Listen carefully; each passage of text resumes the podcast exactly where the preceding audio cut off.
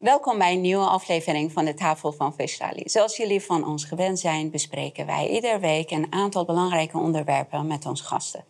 Vandaag voor het eerst bij ons aan tafel Willy Verwij. Zij is een ondernemer en zij is ook coördinator van de waterschappen namens BVNL in Nederland. En je gaat met ons praten over riooloverstorten. Interessant. Ook voor het eerst bij ons aan tafel Hans Wortel. Hans, je bent uh, van projectgroep Waterkwaliteit in Nederland, ook namens BVNL. Ook namens En je gaat met ons praten over uh, kwaliteit van ons drinkwater. Jullie werken samen, daarom zitten jullie ook hier samen aan tafel. En onze complotexpert en onderzoeksjournalist Patrick Saval gaat met ons hebben over of is Afrika bevrijd of niet. Ja, Toch? dan kunnen we ook wel wat van water bij doen. Water bij de wijn. Wijnglazen hebben wij in ieder geval aan tafel staan. Interessante gasten, interessante onderwerpen. Dames en heren, dit is de vijftiende aflevering van de Tafel van Vestali.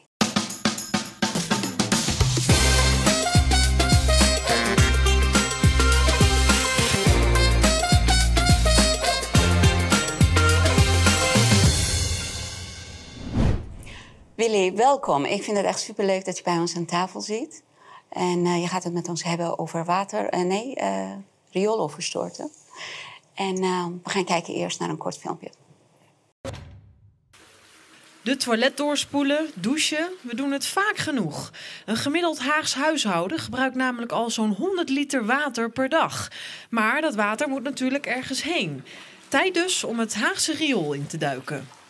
Als je je toilet doorspoelt of de vaatwasmachine aanzet of douchen gaat, dan gaat het water via hele kleine buisjes, dat heet de huisaansluiting, die zijn ongeveer deze grootte, stroomt het naar de straat toe onder een hellinkje en daar komt het in het hoofdriool terecht. Nadat het douchewater, de toiletuitwerpselen en het regenwater in het hoofdriool zijn aangekomen, wordt het verzameld en stroomt het nog verder naar beneden. Uiteindelijk komen alle buizen bij elkaar en komt het afvalwater bij een gemaal terecht. En een gemaal is een soort grote pomp, meerdere pompen, die het afvalwater weer een stukje omhoog pompen. Omdat je op een gegeven moment zo diep komt, dan wordt het heel erg duur om dat riool steeds dieper te leggen, zodat het verder door kan stromen. Dan pompen we het of een stukje omhoog en dan stroomt het weer verder. Of het wordt rechtstreeks naar de afvalwaterzuivering gepompt. Ja, nou, wat, zal ik, uh, wat kan ik erover vertellen? Een heleboel. Ik zal eerst even vertellen uh, hoe het waterschap werkt. Het waterschap heeft eigenlijk drie hoofdtaken. En dat is waterbeheer. Uh, dus dat je het water goed behoudt op bepaalde plekken in tijden van droogte. Maar ook waterdoorstroming en waterzuivering. Waterzuivering gebeurt meestal door uh, een waternet. maar de riolering, daarvoor is de gemeente verantwoordelijk. Als wij nou, wij leven in een hol land, dus wij leven natuurlijk in die delta. Het water komt binnen, dus wij zijn echt groot geworden door het goed bergen en goed door laten stromen van dat water. Hier bij Schiphol zitten we drie meter onder NAP. Daar staan we niet 1, 2, 3 bij stil. Dat betekent dat als er een dijk doorbreekt, dat we hier gewoon overstromen. Als het nou, uh, Amsterdam zit bijvoorbeeld ook beneden NAP. En als het nou heel hard regent, meer dan 30 mm op een dag dan uh, worden de riooloverstorten opengezet. Dat betekent dat de toilet dat, uh, dat, die, dat die gewoon mee kan stromen naar het oppervlaktewater. Dus dat hij niet verdwijnt in het riool bij de waterzuivering, maar dat hij bij het oppervlaktewater komt. Het is zelfs zo dat als de City Swim in Amsterdam is en twee dagen daarvoor heeft het heel hard geregend, ongeveer 30 tot 35 millimeter, dan gaat de city swim niet door. Mhm. Want dan is het water te vies. Maar waar verdwijnt dat allemaal? Kijk, ik heb hier, hè, wij hebben een slogan: eerst water, de rest komt later. Maar als je hier een klein druppeltje uh, inkt in gooit, dan zie je dat druppeltje en langzamerhand wordt het blauw. Maar als je deze, dit glas gewoon in eenmaal water gooit, dan zie je het niet meer. Dus dat het betekent ook met ons riool. Wat zit er dan allemaal in en hoe vies is dat dan eigenlijk? En hoe ziek worden wij daar eigenlijk van?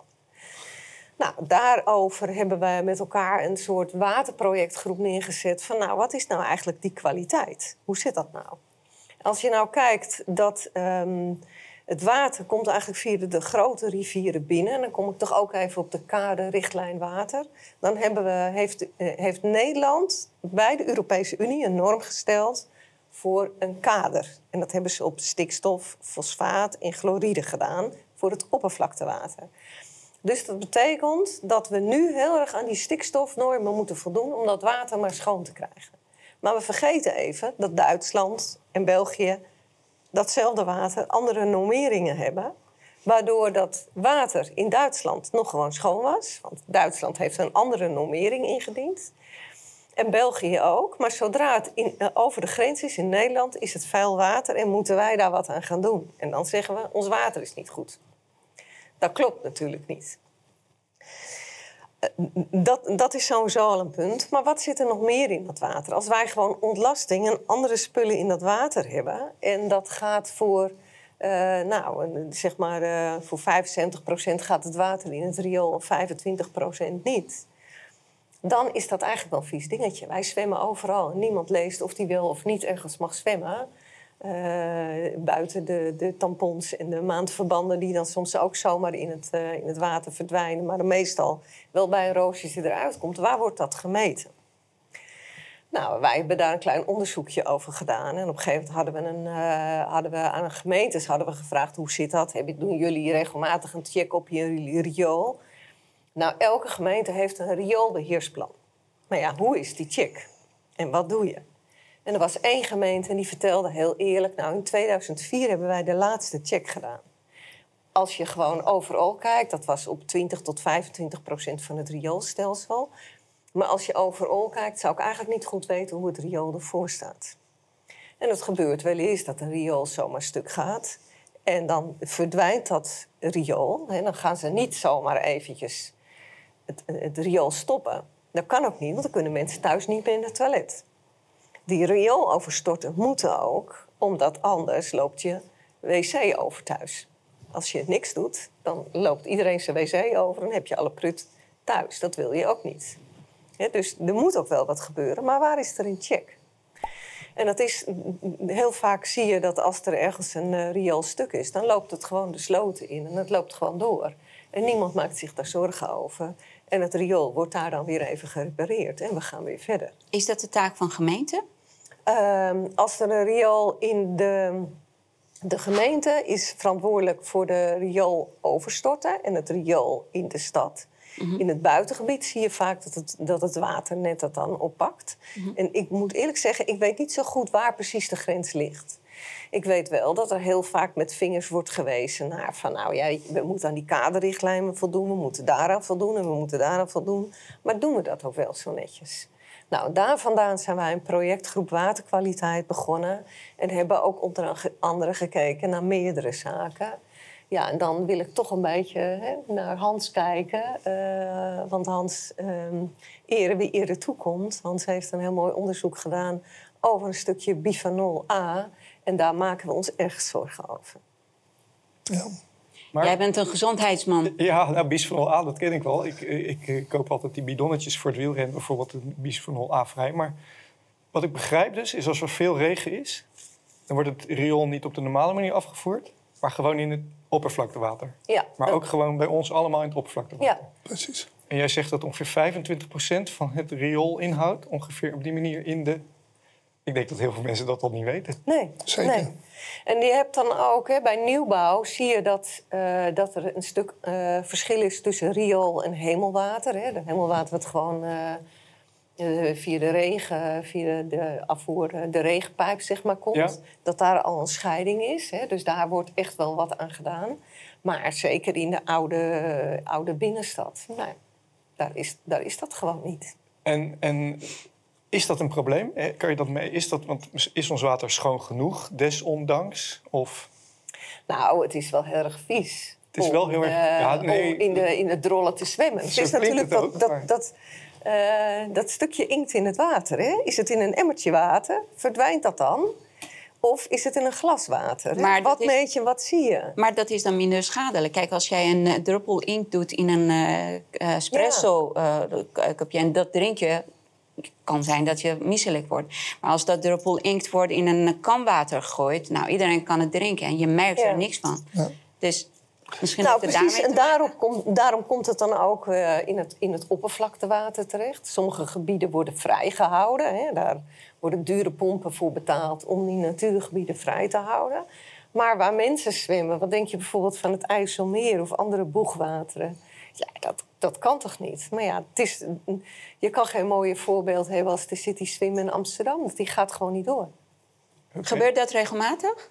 Dat Nou, let door- maar eens op, als die niet doorgaat, dan is er paniek. Want dan heeft het riooloverstort opengestaan.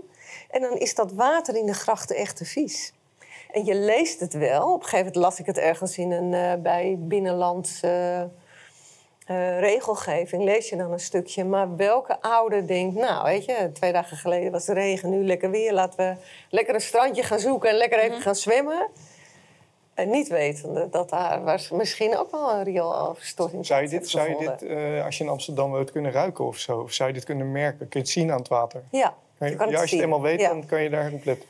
Ja, wij hadden een eh, filmpje, maar dat filmpje is van eh, Sembla. Hè, dat, eh, misschien is het goed om dat eronder te zetten. Dat Ja, het linkje gaan wij uit, onderaan eh, onze video Uit Den. Haag. En dan zag je ook echt dat het heel erg smerig was. Dat het water wat erbij kwam via die ro- riooloverstort echt heel erg vies wordt. Ik kan hem je ook apart doorsturen. Maar het is van een, eh, van een Nederlandse... Nee, maar nog, nogmaals, dit, dit, klinkt, dit klinkt natuurlijk al smerig. Maar is, is het water desondanks schoon genoeg? Want we worden niet allemaal heel erg ziek. Dat is een goede, Ja. goede vraag. Of misschien zijn we En, eh, gewend kijk- om ons niet goed te voelen. En we weten, kan, er zijn verschillende kan, ja. oorzaken. Nou, dat bisphenol A vind ik dan nog weer Ja. een ander onderwerp dan... Zeker. Ja, ja. Nou ja, kijk, weet je, ik denk ook dat het precies dat druppeltje inkt is in die emmer water. Zie je het wel of zie je het niet? Word je er ziek van? En wat jij aangaf, is het een borrelglaasje? Ja, zwem je heel dicht bij eh, een overstort Ja. en is het net, dan kan het natuurlijk best wel zijn dat je de volgende dag buikpijn hebt. En dat je denkt, Zijn ja, er- dat ik, gebeurt. Ja, wat dat, heb ik ja. gegeten? Heb ik iets Zijn er gegeten? Dat weet kaarten van die overstorten? Kunnen wij ze vinden? nou, ik heb ze opgevraagd. Ja. En eh wij hadden ze in januari opgevraagd. We hadden een vergadering eh, van het waterschap eh, voor de boeren. En we hebben het eh, in januari opgevraagd. En uiteindelijk eind mei van het waterschap Amsterdam in Vechtstreek gekregen. En ik heb de coördinaten gekregen. Oké. Dus wat, wij willen dit nog veel verder uitzoeken. Wij willen uitzoeken waar zitten ze precies. We willen het in kaart brengen. We willen het op gaan zoeken. En hoe loopt dat dan? Maar daar hebben we wat meer mensen voor nodig. Als dat we in onze projectgroep met z'n vieren zijn. Ik heb er ook een keertje... Moet je crowdsourcen? Ja, Dus, eh, daar ben ik nog niet helemaal mee bekend. Maar het is wel belangrijk om dit te doen. Dus wij zoeken ook mensen die ons mee willen helpen, mee willen denken. Van nou, hoe kunnen we dit gewoon beter eh, naar buiten brengen? Nou, doe een oproep Ja, aan ons publiek. Dit kan je crowdsourcen. Ja. Ik, maar ik heb nog een vraag. Ja, ik, ik, het is voor het eerst dat ik dit hoor. Ik weet, wist het wel, nu je het zegt. Maar ik zie ook altijd die boeren, dat, die, dat, die legen over, over... Dat is natuurlijk precies hetzelfde. Dat komt ook in het oppervlaktewater terecht. Dat, dat, dat is niet Ja, heel verschillend. Natuurlijk hetzelfde meest. Alleen de boeren die hebben een, ehm, eh, die hebben een aantal regels. Die, als zij mesten, dan mogen ze niet. eh, moeten ze één of twee meter van de slootkant afblijven. Oké, dus En die hebben ook bepaalde eh, afspraken gemaakt. Bepaalde plantjes, eh, ze noemen dat ook wel akkerranden, Ja. neerzetten. En daar komen ze gewoon niet met hun. Willen Ook is ook een boerin, hè? dus we weten Ja? gewoon daar heel veel Zeker. Ja. maar, Ja. dus, dus er drijven wel mensen drollen, maar geen koeien drollen. Ja. Ja. Ja, laten we het even gewoon Ja. benoemen zoals het Ja, is. Ja. nou ja, sterker nog, in, in, in de kop van Noord-Holland op een gegeven moment zat daar een boer. En die zijn eh, koeien die werden niet meer vruchtbaar. En dat is natuurlijk heel gek. Maar die zat vlakbij een Jeetje. riooloverstort. En die gaf steeds de riooloverstort de schuld ervan. En dat is, een, dat is echt zo lang afgewezen dat het niet zo was. En het heeft hem zoveel energie gekost om aan te tonen dat dat wel zo is. En dat bleek eh, dus achteraf ook. Nou, Nou, weet je, dat nee, soort ik wil niet het hele eh, gesprek overnemen. Maar, Nee, maar dit, de- de- dit moet je crowdsourcen, dit moet je bekend maken. Ik wist, nou, daar heb ik, graag wat hulp van Ik wist nodig, dit wel nu je het zegt. Het is niet onlogisch, maar je, het is niet in je bewustzijn. Dit moet je... En is jullie zijn de enige die dit oppakt en hiermee bezig is? Of zijn er nog andere Nou, wij- groepen, partijen, weet ik veel? Nee, wij hebben het in ieder geval wel beetgepakt. Omdat het eigenlijk heel raar is dat dit zomaar kan. En dat, dat kwam omdat ik in de polder liep en daar was gewoon een rioolstuk. En dat riool liep gewoon door de sloten in. Maar uiteindelijk worden de monsters genomen bij boeren en in sloten. En die worden afgerekend op iets wat ze helemaal niet gedaan hebben. en toen dacht ik, nou, dit is dat dit gewoon zo kan. Echt. Allemaal op basis van aannames. Allemaal op Ja, basis van allemaal. aannames, ja. Ja. En dan, weet je, we gaan dan alleen maar... Want menselijke mest is natuurlijk net zo slecht als, als Nou, nog erger. Het misschien kan- nog wel erger. Nee, het is nog ook- erger. Want mensen nemen ook heel veel voedsel die allemaal van die weet je, rare dingen in zich geven. Heel veel kunstmatige eten en fastfood. Dus ik denk dat de ontlasting van mensen is veel kwale- eh, kwader dan, dan van een Eens. koe die alleen Eens. maar eh hooien eh, consumeert. Mm, het is nu mooi weer, zomer, zogenaamd. Heel veel families gaan met hun kinderen zwemmen. Heb jij advies? Waar moeten ze op letten? Als ze niet willen dat hun kinderen ziek worden de dag daarna. Ja, nou, ik had hem opgezocht, de site. Ik zal hem nog even opzoeken. Dat was... ehm, eh, kan hem ook niet zo snel natuurlijk meer vinden op mijn, eh, op mijn papier. Maar ik had een site gevonden en daar stond dat je gewoon een beetje op moest letten met zwemmen in het oppervlaktewater. En toen dacht ik, hé, hey, nu, hè, verleden week heeft het bijna 150 mm is er bij ons in de buurt gevallen. Dus dat is heel veel. Dus regelmatig heeft die riooloverstort opengestaan. Dus dat is goed dat dat er staat. Maar waarom wordt het niet breder uitgemeten? Nou, Waarom mogen mensen dit niet gewoon mee? de vraag stellen is een beantwoorden. Ja, De website eigenlijk die je eh, zegt, nou gaan we ook, als jij het zo Ja. vindt, dan gaan we het ook onderaan onze Binnenlandse video plaatsen. zaken of zo eh, Ja, was het eh, waar, ik het, deze eh, waar ik video, het zag dus, staan. ja. En soms, sommige GGD's hebben er wel eens wat op hun site staan. Maar je, als je met je kinderen gaat zwemmen, ga je toch niet eerst kijken van... oh, ik ga even naar internet, even kijken, weet je wel. Je kinderen staan te popelen om te gaan zwemmen. Ja, en Dus omdat die ook denken, mensen wil ook een bepaalde zwemmen. vertrouwen Ja. hebben dat het wel kan. Weet je? Ja, ja, mooie strandjes zijn eraan gelegd en dingen. En dan, eh, ja. Klopt. Ben je een Ja. stukje wijzer geworden, Patrick? Nou, dit, ik, vind, ik vind dit wel een dingetje. ja. ja, dit vond ik wel ook heel interessant eh, toen ik dat van ja. hoorde.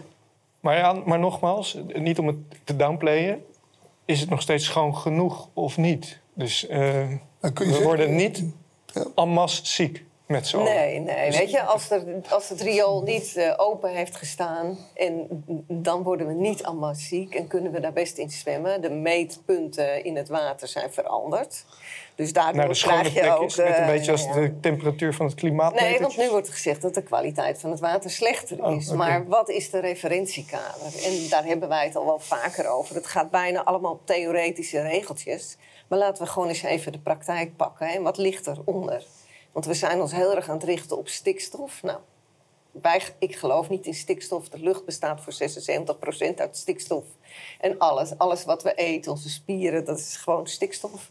Dus dat, dat is eigenlijk wel een beetje raar. En hoe kan dat dan zijn dat we ineens geen stikstof meer nodig hebben? Nou, als je, eh Soraya zei het al, mijn, ehm, eh, mijn man is veehouder samen met onze zoon. En ik vind als je op een boerderij zit, dan ben je met elkaar ben je bezig. Je bent gewoon 24 uur 7 ben je bezig met de boerderij, met de dieren. En natuurlijk slaap je wel tussendoor. Maar als jij, een schop in de, als jij eh, de grond bewerkt, heb je een schop nodig. Dat is stikstof.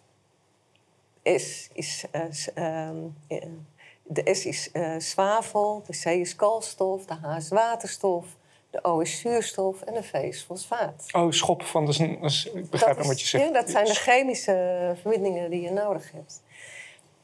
Die heb je nodig om de grond goed te voeden. Die heb je nodig om de wormen goed te voeden. Er zit heel veel in dat bodemleven. Er zitten wormen in, die zorgen weer voor zuurstof en die zorgen weer voor. Dus die grond die wordt continu bewerkt. En als één iemand gewoon in de praktijk verstand heeft van grond en water, dan zijn dat wel boeren. En die worden nu een beetje weggezet als van, nou, dit doen ze fout. Ja. Als er maar iets is, dan, dan zie je een mestdenken komen. Maar er wordt even vergeten dat zij kennis hebben van plantjes, van natuur, van grond. Dat ze weten hoe ze die moeten bewerken. En dat ze ook eh, wel degelijk verstand hebben van het water wat je nodig hebt. En dat is, langzamerhand wordt dat een beetje opzij gezet. Want de theoretische regel is, oh, we hebben een kaderrichtlijn water. Daar moeten we ons maar aan houden. En tegelijkertijd, ja, door die stikstof zitten bouwen op slot. Niemand beseft dat we dat zelf hebben gedaan. Wij hebben zelf die hoge norm opgelegd in Europa. Kijk naar Duitsland, die heeft dat niet. Ja, jullie krijgen straks ook een eh, verdiepend gesprek Ja. hierover met Pieter Stuurman. En dan gaan ze dit onderwerp samen uitgebreid bespreken. Dus eh, ik adviseer iedereen om zeker ook naar eh, vervolggesprek die komt uh, volgende week online. Uh, dat, ze, dat jullie er naar kijken. Je wilde ook een oproep doen? Nou ja, ik wil ook een oproep doen. Dus... doen uh, denk je van, nou, ik wil dit mee onderzoeken. Stuur een mailtje naar Willy Verwij, apenstaartje bvnl.nl. Want wij willen graag uh, je verhaal horen. En als je mee wil onderzoeken, heel graag. Want wij zien dit als een groot probleem. Daarnaast zien we, en dan ga, kijk ik toch even naar Hans... dat er in menselijke mest veel meer zit. Ja. En daar, uh, maar in water zitten ook nog andere stoffen die, we, uh, die niet benoemd worden... maar die voor ons bijna een Russische roulette zijn. Nou wil ik niemand bang maken... Maar het zijn echt wel stoffen waar we wat meer aandacht aan mogen besteden als stikstof. Uh... Ja. Dankjewel. Dankjewel, Willy. Nou, we gaan nu naar onze volgende gast. Het is niet een ander onderwerp. We blijven in het gebied van water. Zeker. En uh, we gaan kijken eerst naar een kort filmpje. Leuk. Je zou het misschien niet vermoeden, maar in één glas kraanwater zit behoorlijk veel. Denk bijvoorbeeld maar eens aan zouten, zou je niet verwachten. Water is doorslessend, maar het zit erin. Uh, verder zitten er ook uh, bacteriën in drinkwater, maar dan uh, geen bacteriën waar je ziek van wordt. Er zitten ook eh, resten van medicijnen in de drinkwater, bestrijdingsmiddelen. Ja, het klinkt heel eng, maar de concentraties zijn dusdanig laag dat je 70 jaar lang 2 liter water per dag moet drinken om één pil binnen te krijgen. De kwaliteit van ons drinkwater wordt met de nieuwste high-tech apparatuur gezuiverd en gecontroleerd. Toch komen er stoffen door de filters heen. De meest moeilijke stoffen om uit het water te halen zijn natuurlijk ook stoffen die goed in water oplossen. Uh, nou, een voorbeeld is uh, van die suikervervangers, hè, zoetstoffen die bijvoorbeeld aan cola worden toegevoegd om, als vervanger van suiker. Dat zijn ook hele goed wateroplosbare stoffen. Die kun je met een gerust hart drinken. We drinken ze in grote hoeveelheden, maar we plassen ze ook heel makkelijk uit. En dat zijn echt de stoffen die ook moeilijk zijn om uit het water te halen. Het chemische Gen X is dus ook zo'n stof die moeilijk is om te traceren. Of wij ons zorgen moeten maken, is iets anders. De niveaus zoals we die nu in het drinkwater aantreffen, wat er nu bekend is, is absoluut niet gevaarlijk voor de volksgezondheid. De getallen die we nu zien, ze zitten vele malen onder de norm. Maar het is natuurlijk zaak om dat zo te houden. En daarom moet je met de veroorzakers om de tafel en praten uh, hoe je de problemen kunt voorkomen. Het drinkwater is hartstikke veilig en uh, zo veilig dat baby's, zwangere vrouwen, oude mensen dit water zeer zeker uh, kunnen drinken. Het valt toch heel erg mee. Ja, als je dat zo bekijkt, valt het echt mee. En we hebben net gezien uh, wat er gebeurt als je een druppeltje inkt in een glas uh, uh, laat oplossen, dan is het weg. Mm -hmm. Maar er zijn zoveel stoffen in het water die je niet ziet, die, die stapelen. Um, ik denk dat het drinkwater in Nederland kun je met een gerust hart drinken. Um, ja, dat, uh, dat durf ik best wel te zeggen. Uh, maar er zitten zoveel dingen in het water. Um, ja, die gewoon dusdanig schadelijk zijn. Dan praten we over het stofje bisphenol A. Um, ja, er gebeurt meer dan wat er in het water van het kraan komt. Want hou je daaronder je flesje, uh, je petflesje, die gemaakt is van polycarbonaat dan komt in dat water weer van alles wat je binnenwerkt. Dus we krijgen niet alleen dat water binnen uit de kraan. We krijgen ook het water binnen uh, uit flesjes, uit andere zaken. En ja, daar maken we eigenlijk ons enorme zorgen over. En, dat is wat Willy terecht zegt. Um, een beetje Russische roulette van al die chemicaliën waar we... Um, ja, waar we, uh, die we binnenkrijgen en die onze immuniteit onderbouwen. Maar die dus ook bij een hele kleine hoeveelheid al schadelijk zijn. En dan praat je bijvoorbeeld over stoffen uh, die uh, hormoonverstorrend zijn. En die zijn enorm onder de scope op dit moment. En het grote gevaar daarvan is dat A, ze zijn al in zulke kleine hoeveelheden zijn ze gevaarlijk, toxisch voor de voortplanting zaadkwaliteit van uh, de man gaat achteruit, de eicel van de vrouw. Um, het kan zelfs dusdanig veel zijn dat um, ja, je steriel wordt. En, dus dat is een heel groot probleem. Dus ik, ik durf wel uh, met groot vertrouwen uh, te drinken uit de kraan. Um, maar dat neemt niet weg dat ik me toch enorm zorgen maken over de kwaliteit van het water op zich. Ehm, ja, en natuurlijk uh, ja, alles wat je uitplast, uh, al die stoffen. Uh, ja, dat komt weer in het oppervlaktewater. Uiteindelijk komt dat ook weer in het uh, bronwater, wat weer ons drinkwater wordt. En niet alles kunnen we eruit halen. Um, maar er wordt gelukkig op het gebied van antibiotica, resten of wat dan ook, wordt er veel gedaan. Um, uh, zo zie je dat uh, ja, ze met ionisatie bezig zijn, maar haal je maar een gedeelte eruit. Uh, het overgrote gedeelte, maar er blijft er nog steeds van alles in zitten.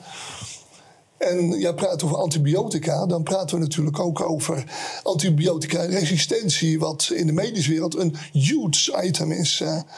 En ja, dit soort zaken zijn eigenlijk nog maar het topje van de ijsberg. Uh, we hebben de PFAS die nu onder de aandacht komt. Uh, en daar zit de media bovenop. Um, daar leren we een hele hoop van. Maar wat we daarvan leren is vooral dat het een, een stropig proces is van. Um, uh, het bijstellen, uh, eerst nog zien te meten of er daadwerkelijk iets gebeurt. En dat hebben we met de riooloverstoten precies hetzelfde.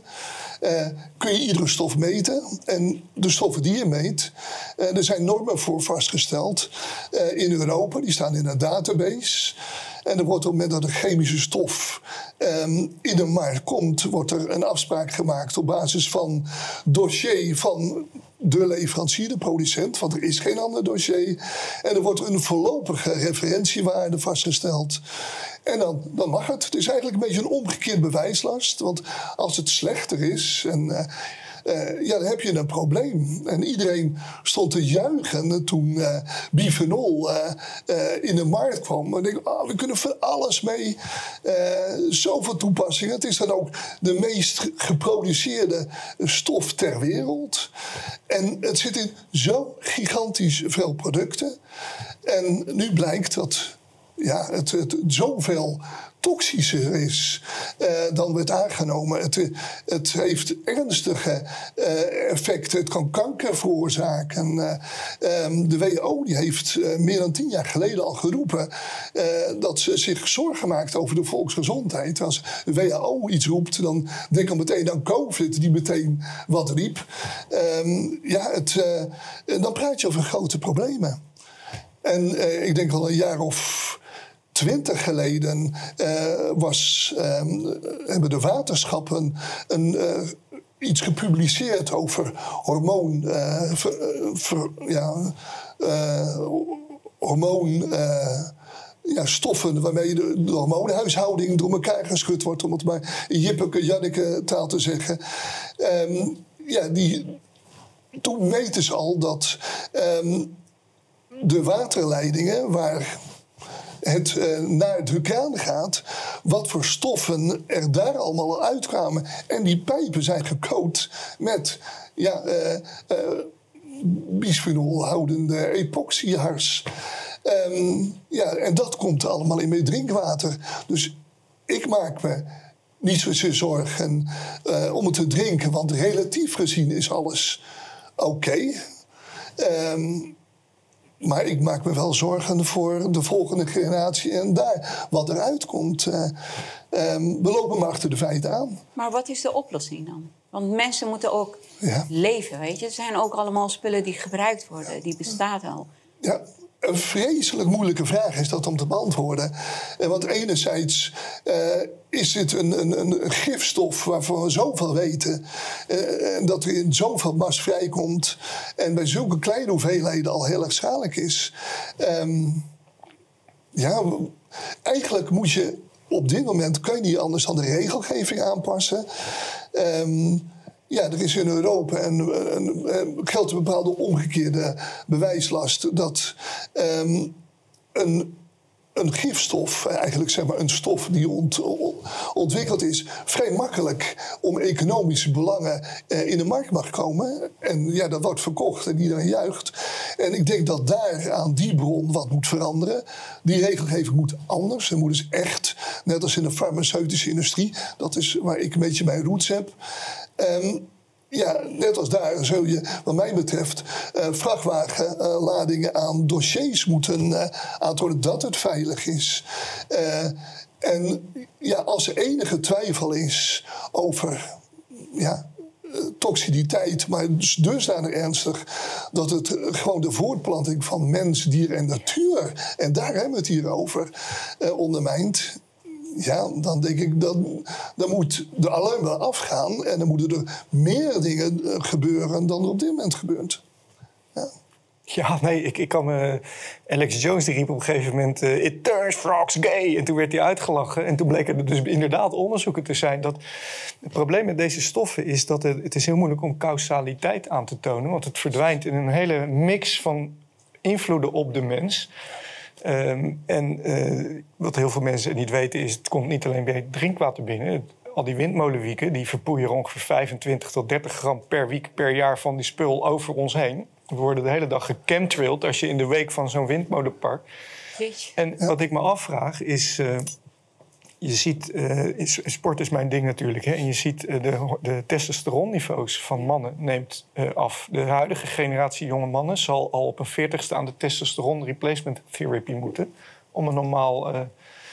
De, dat zou zomaar hier iets kunnen zijn. Ook mee te maken hebben, weet je. Maar je komt er nooit achter. Ja. Nee. Omdat het, is niet, het effect is niet te isoleren vanuit alle andere ceteris paribus in de economie. Ja. En maar dit is een hele kwalijke stof. Ja, je kan er ook. Ik, ik koop dan die bidonnetjes zonder dat spul. Maar je, dat, dat doet natuurlijk niks, want het komt op zoveel andere manieren ook binnen. Is er iets, uh, zijn er waterzuiveraars of zo die het wel eruit kunnen? Het is in mijn kringen gebruikelijk om een eigen waterzuiveraar uh, te kopen voor je drinkwater. Ja, dan is het maar de vraag of dat eruit gezet ja. Eerst is het grote probleem begint met hoe detecteer je het? Want je moet een nulmeting hebben en dan gaan filteren en dan gaan kijken wat je resultaat is. Dat is al een heel groot probleem. Uh, daardoor loop je al zo achter de feiten aan. Dus dat is heel erg lastig.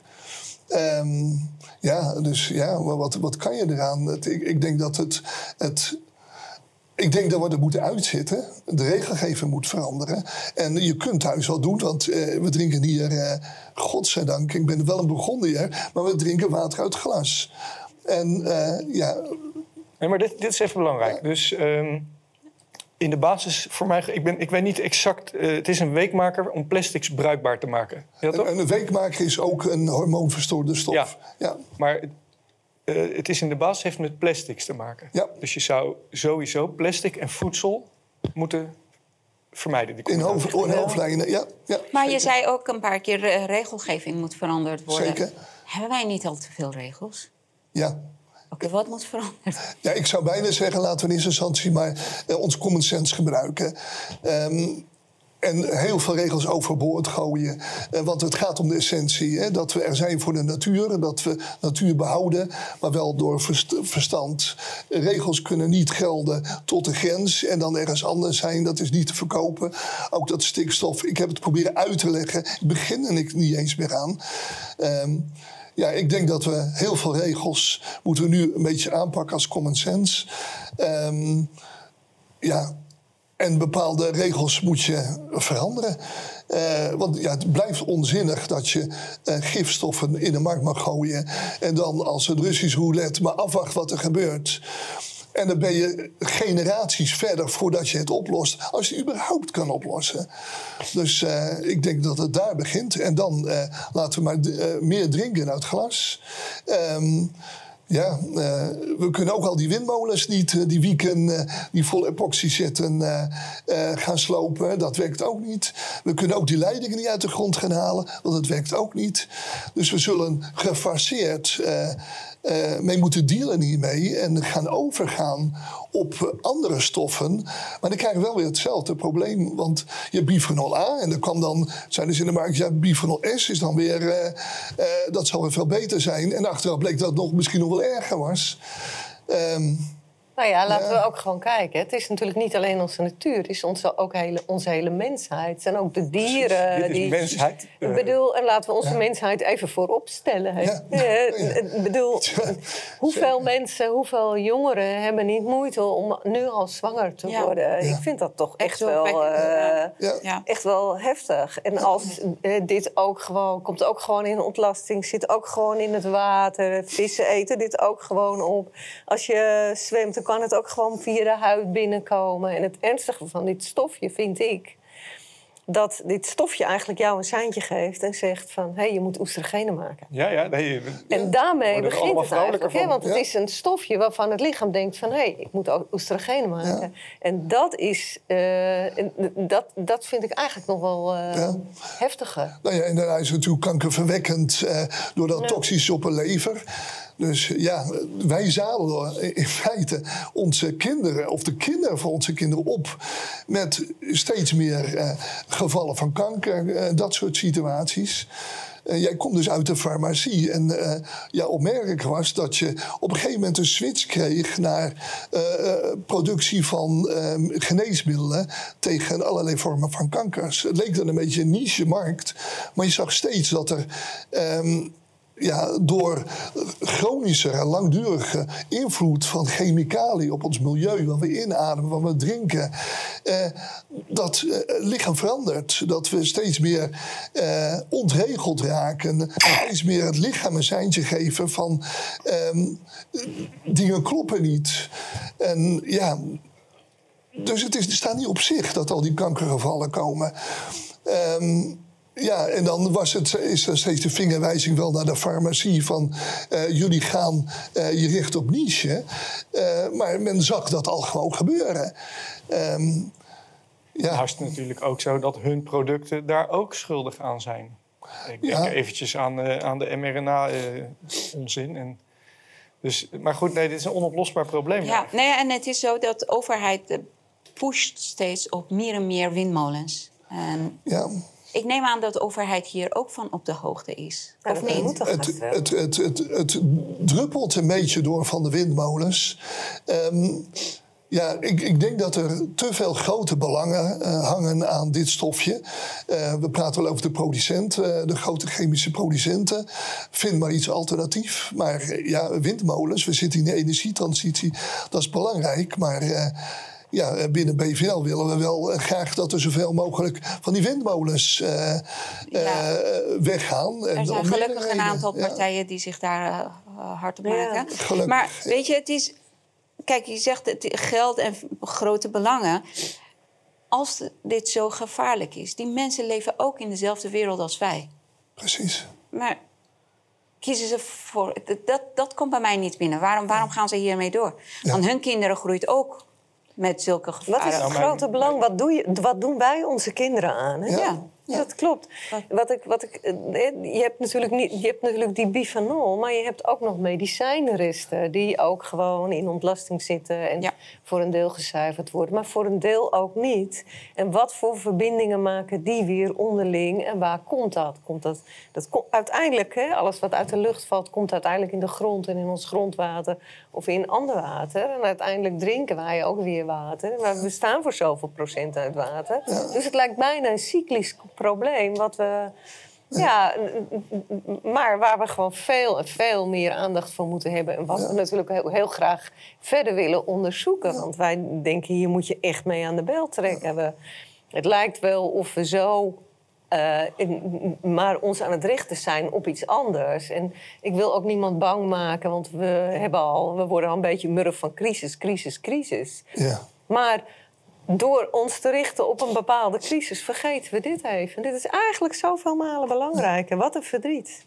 Ja, het zit- Wat wil jij zeggen? Nou, mijn moeder die zei vroeger altijd iets heel raars, heel moois eigenlijk. Eh, Dat ging als volgt, even het galm erbij.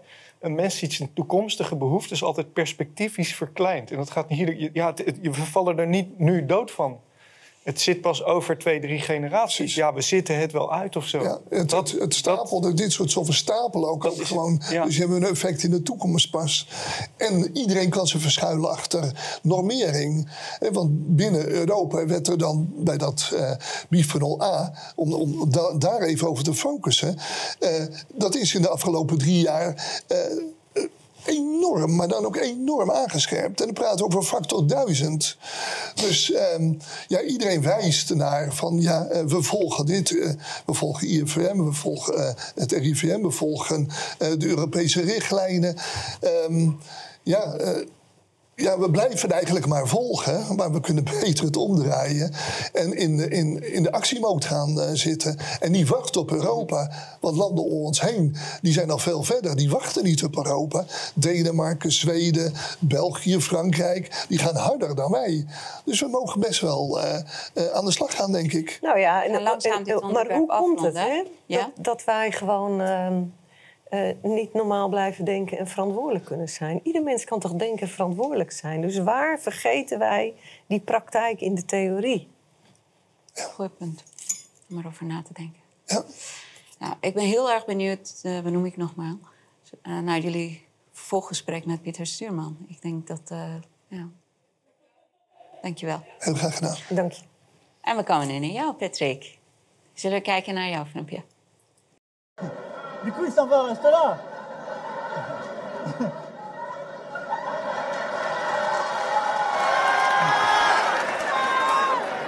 Du coup, il est parti ré- réparer la climatisation. Ja, het is- ik zal hem uitleggen. Wat is dit? Wat, eh, wat hebben wij Ja, het is een wat onduidelijk filmpje, maar het is heel denigrerend. Het is Frans, Franse staatshoofd, Macron, die eh, op een officiële gelegenheid een Afrikaans staatshoofd uitlacht. Ja, hij gaat, hij, oh, hij gaat waarschijnlijk dus de, de airco repareren, zegt hij. Eh, maar dit is even om aan te tonen hoe eh, Atlantische landen... Zijn natuurlijk altijd, eh, is altijd kolonialisme geweest... maar we zitten nu in een andere fase dan vroeger. Neocolonialisme. Hoe Atlantische landen denigrerend naar Afrikaanse landen keken. En wat we nu in de wereld zien gebeuren... is een enorme eh, verschuiving, een gigantische eh, machtsverschuiving. Hè? Wat Thierry Baudet noemde de multipolaire wereld is er aan aan het komen. Het ziet er, naar, het ziet er naar uit dat dat niet te stoppen is. We hadden een unipolaire wereld waar de Amerikaanse deep state... het Atlantische belang eh, hè, verdedigd door de NAVO als hun knokploeg... vooral Afrika leegtrok, Irak leegtrok. En eh, nou ja, nu met eh, vooral die Oekraïne-oorlog zien we dat die, die eh, machtsverhoudingen die zijn enorm aan het veranderen. De NAVO is overstretched, de Verenigde Staten zijn overstretched. En nu al die landjes die zich eerst eh, onderdrukt voelden, die, die zijn zich vrij aan het worstelen. Je ziet overal in de wereld gebeuren, hè, met de hulp van Rusland, met hulp van China. Dit is al heel lang aan de hand. We hadden destijds Gaddafi in Libië. Om even een bruggetje naar het water te maken.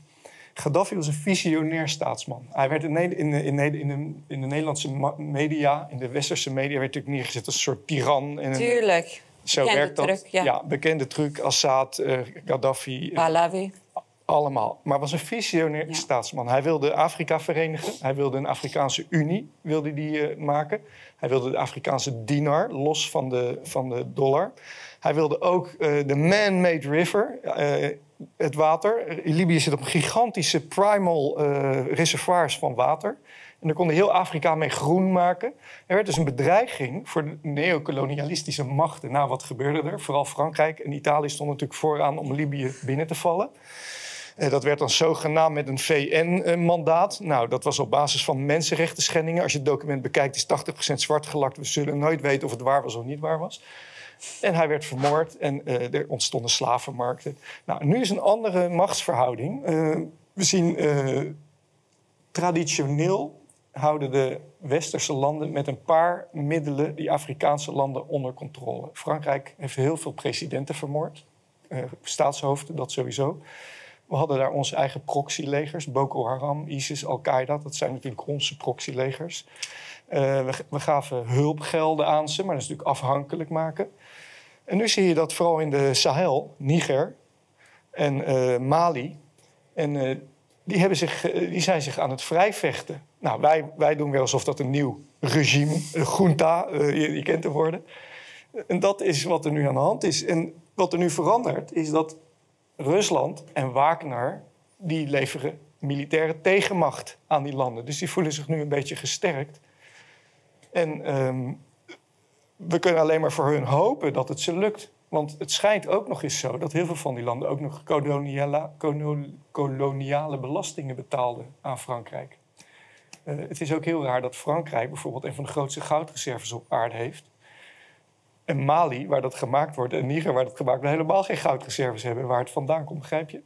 Dus we zien enorme, enorme. Maar het is wel, uh, Rusland is ook, gaat ook niet helpen zonder bijbedoelingen te hebben. Allemaal Iran, hebben ze. Iran heeft al voor eeuwen last van, uh, van Rusland.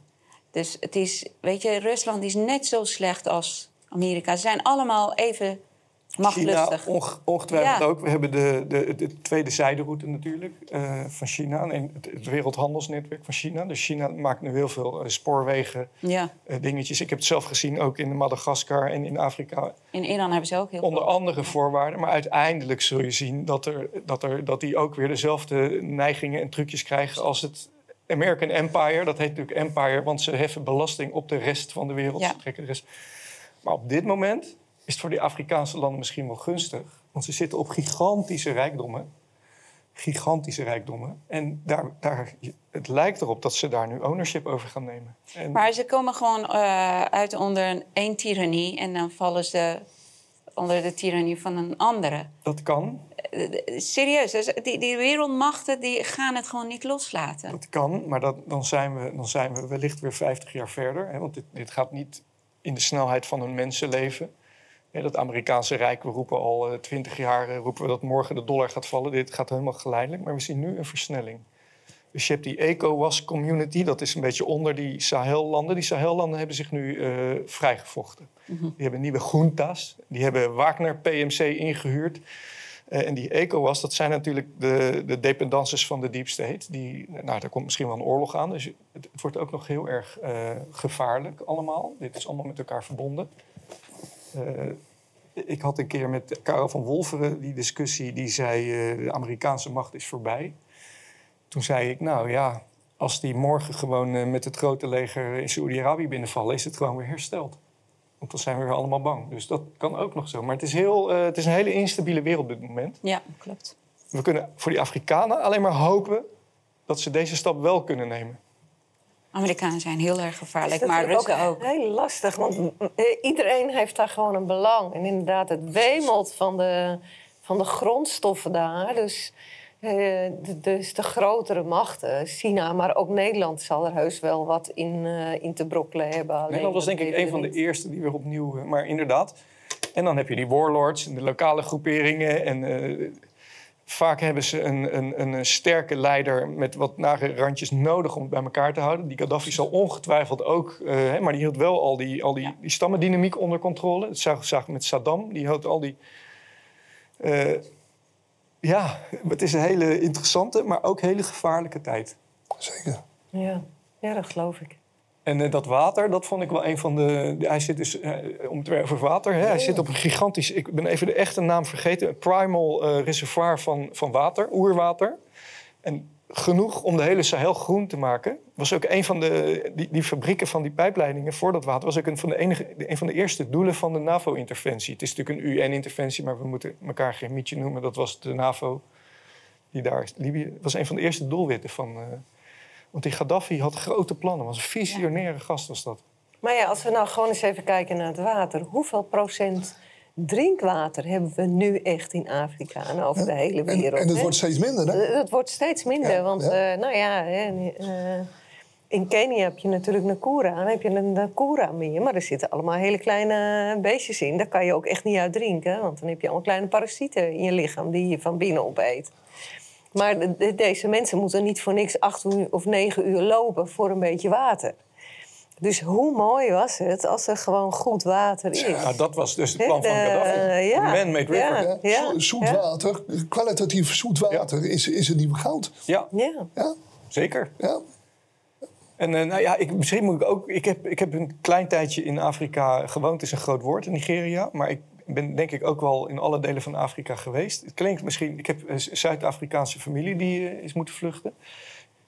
Eh, eh, het lijkt ook wel of die of, of het soort mens, de Afrikaan, moeite heeft dat allemaal voor zichzelf te organiseren. Het klinkt heel. eh, dat idee heb ik. ik de Ja, ze hebben nooit de kans gehad, hè? kan. En eh, je ziet in Zimbabwe werden al die blanke boeren eruit gegooid. Nu in, eh, in Zuid-Afrika ook. Die worden dan weer opgevangen dankbaar door Poetin. Ehm, maar dan stort het land daarna wel in elkaar. Ik, ik moet je, ik, ik- een soort anekdote, maar ik zat daar in eh, Port Harcourt in Nigeria. En eh, als jij je bedrijver iets te veel geld gaf, kwam die gewoon een paar dagen niet meer.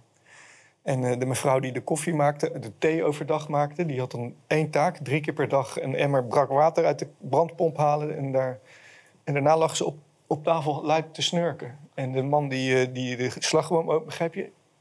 Ik heb het idee dat er, er is iets nodig daar in Afrika, volwassenwording of zo. Je ziet dat nu wel, de nieuwe generatie, zie je, zit daar anders in. Die gaan nu in ieder geval voor zichzelf opkomen.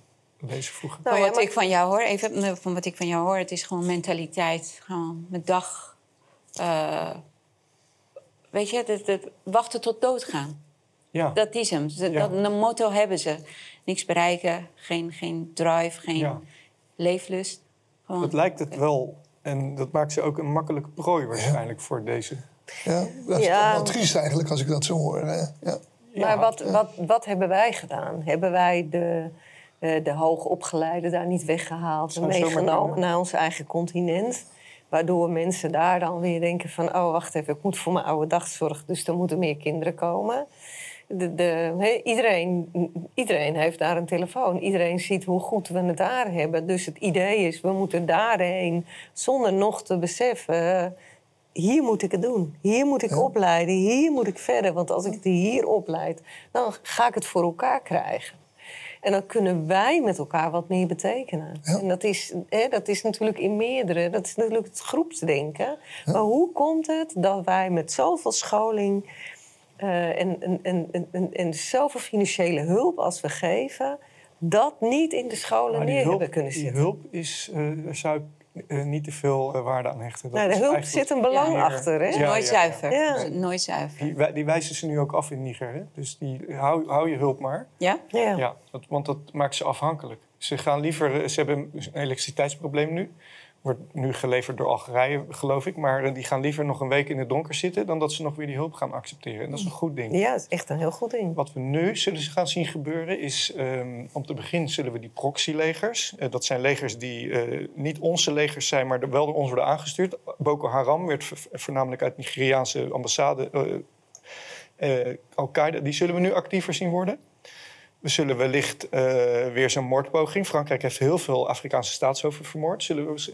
Hier, eh, mensen die het interessant vinden, kunnen het filmpje online The Economic Hitman kijken. Er is gewoon een vast eh, recept wat de Amerikaanse deep state uitvoert. Als er zo'n, dit is een gevalletje waterschade voor ze, om het weer om te keren. Is dat op YouTube te Ja, zien? de Economic Hitman is sowieso een heel... En Nou, Perkins heet die man, die was zo'n Economic Hitman.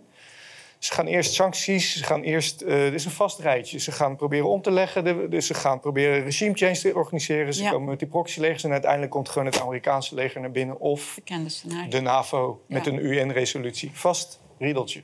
Bekende scenario. Ja. Zijn, wij nu niet bezig om. eh, zijn we niet zelf verantwoordelijk nu als het Westen voor die grote eh, toestroom van vluchtelingen? Ja. Ja. ja, dat is een hele andere discussie die we hier vaak aan tafel Ja, gehad. ja. Ja, Jij wil, ja, dat, dat in, in het kort ja. Ehm, ik, moet, eh, ik kan me herinneren, om, om meerdere redenen. Misschien mag ik het heel kort zeggen. Dus eh, we hebben gewoon oorlog daar gemaakt. En die mensen vluchten daar, Syrië, Libië, die, die vluchten, dat is logisch. Maar we hebben destijds, toen die tsu- tsunami was, lagen daarbij eh, de, de, de, de hoorn van Afrika aan die kust, lagen ons, bijvoorbeeld ons nucleair afval lag op het strand. We hebben daar ook de boel helemaal leeggetrokken. De visgronden, de, het is niet voor niets dat daar die kapers, die piraterij ontstond. Dus ja, Ja. Ja. Dat Kort is ook een, ja, absoluut, Ja, ja, absoluut. ja. Dankjewel. Ja, het, het is groter dan eh, Ja. ik mezelf beseffen. Om je te schamen. En ieder het mens heeft recht. ja. Net als alles, het is holistisch. Alles En is met ieder alles mens heeft recht om op zoek te gaan naar een beter en veiliger leven. Ja, zo is het ook Dat, gewoon. is, eh, dat gaan wij. We gaan nu naar kijkersvragen. Hebben wij kijkersvragen, Lodi? Ja, wij hebben kijkersvragen. Ehm, ik heb hier een, een vraag voor Willy. Ehm, ons afval eh, moeten wij zelf sorteren. Maar moeten we dat straks ook voor het riool gaan doen? Ehm, nou ja, kijk, ik kan natuurlijk niet in de toekomst kijken. Ik kan alleen maar zeggen, dit is feitelijk wat we zien. En dit willen we verder nog uitzoeken.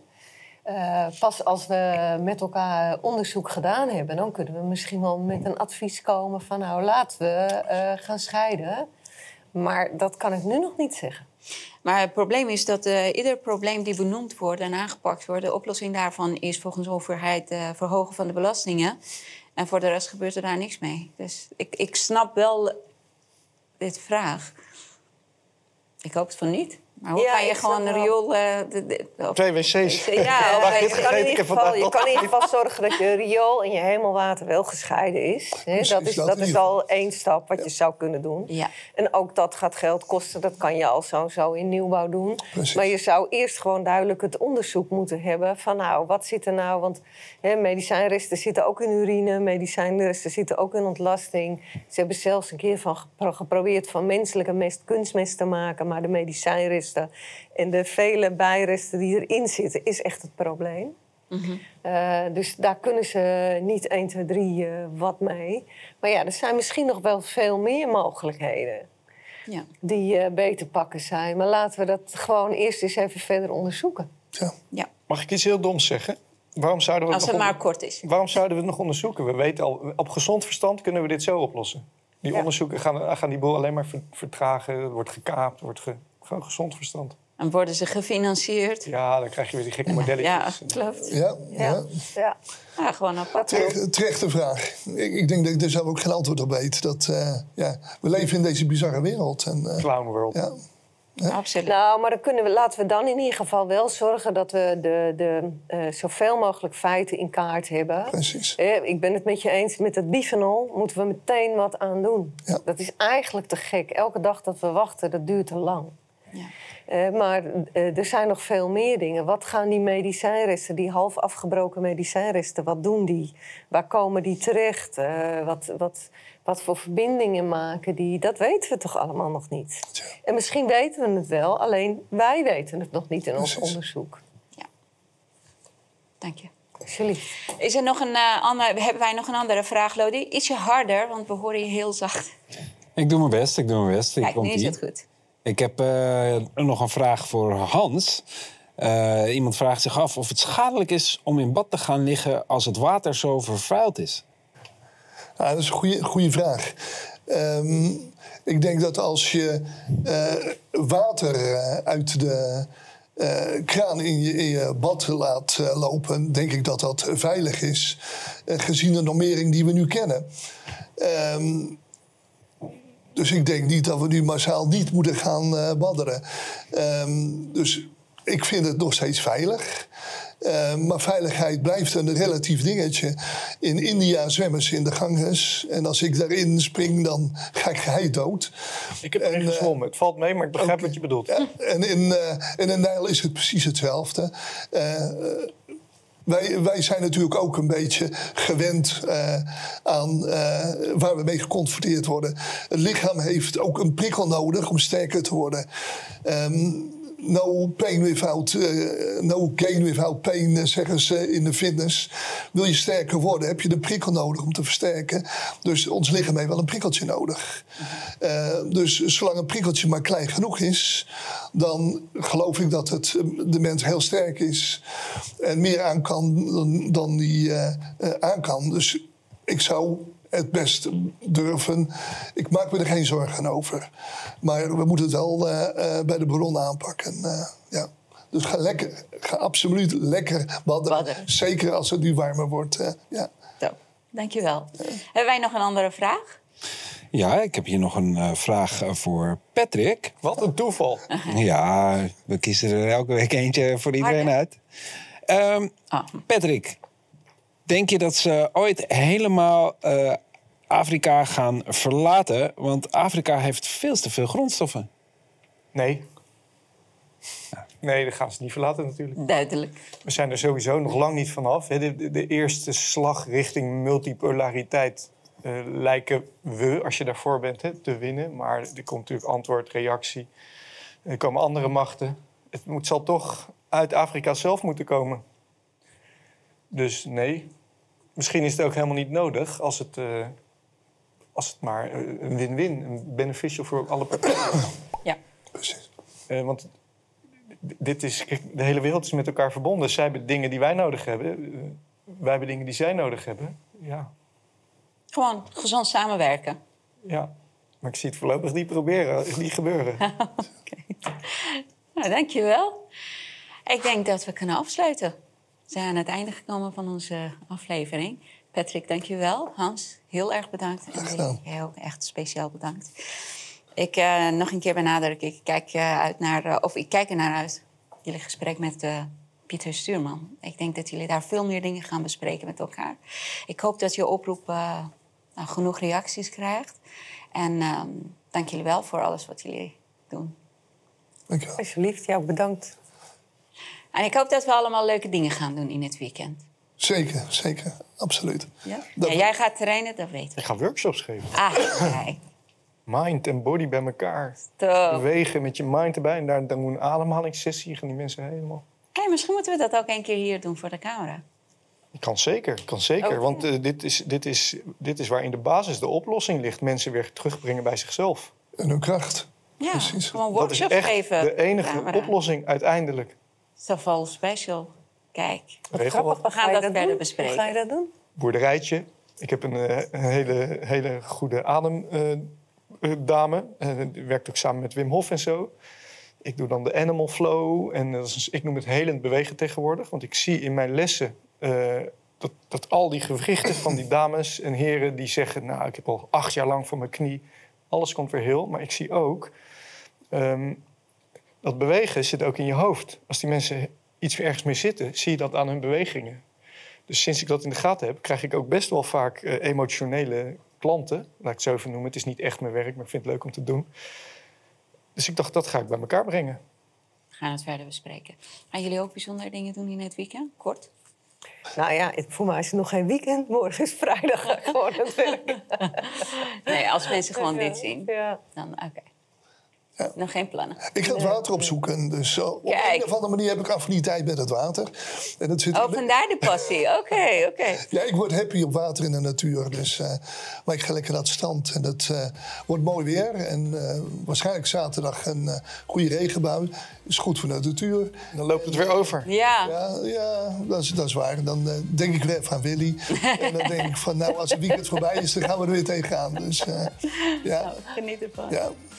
Nou, jullie mensen thuis, dank jullie wel voor het kijken. Hebben jullie vragen, suggesties, interessante gasten?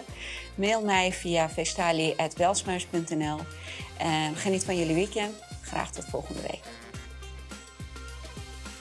Zo, Ik, interessant. ik wist niet dat dit nog in de uitzending was. Ik dacht dat het wel.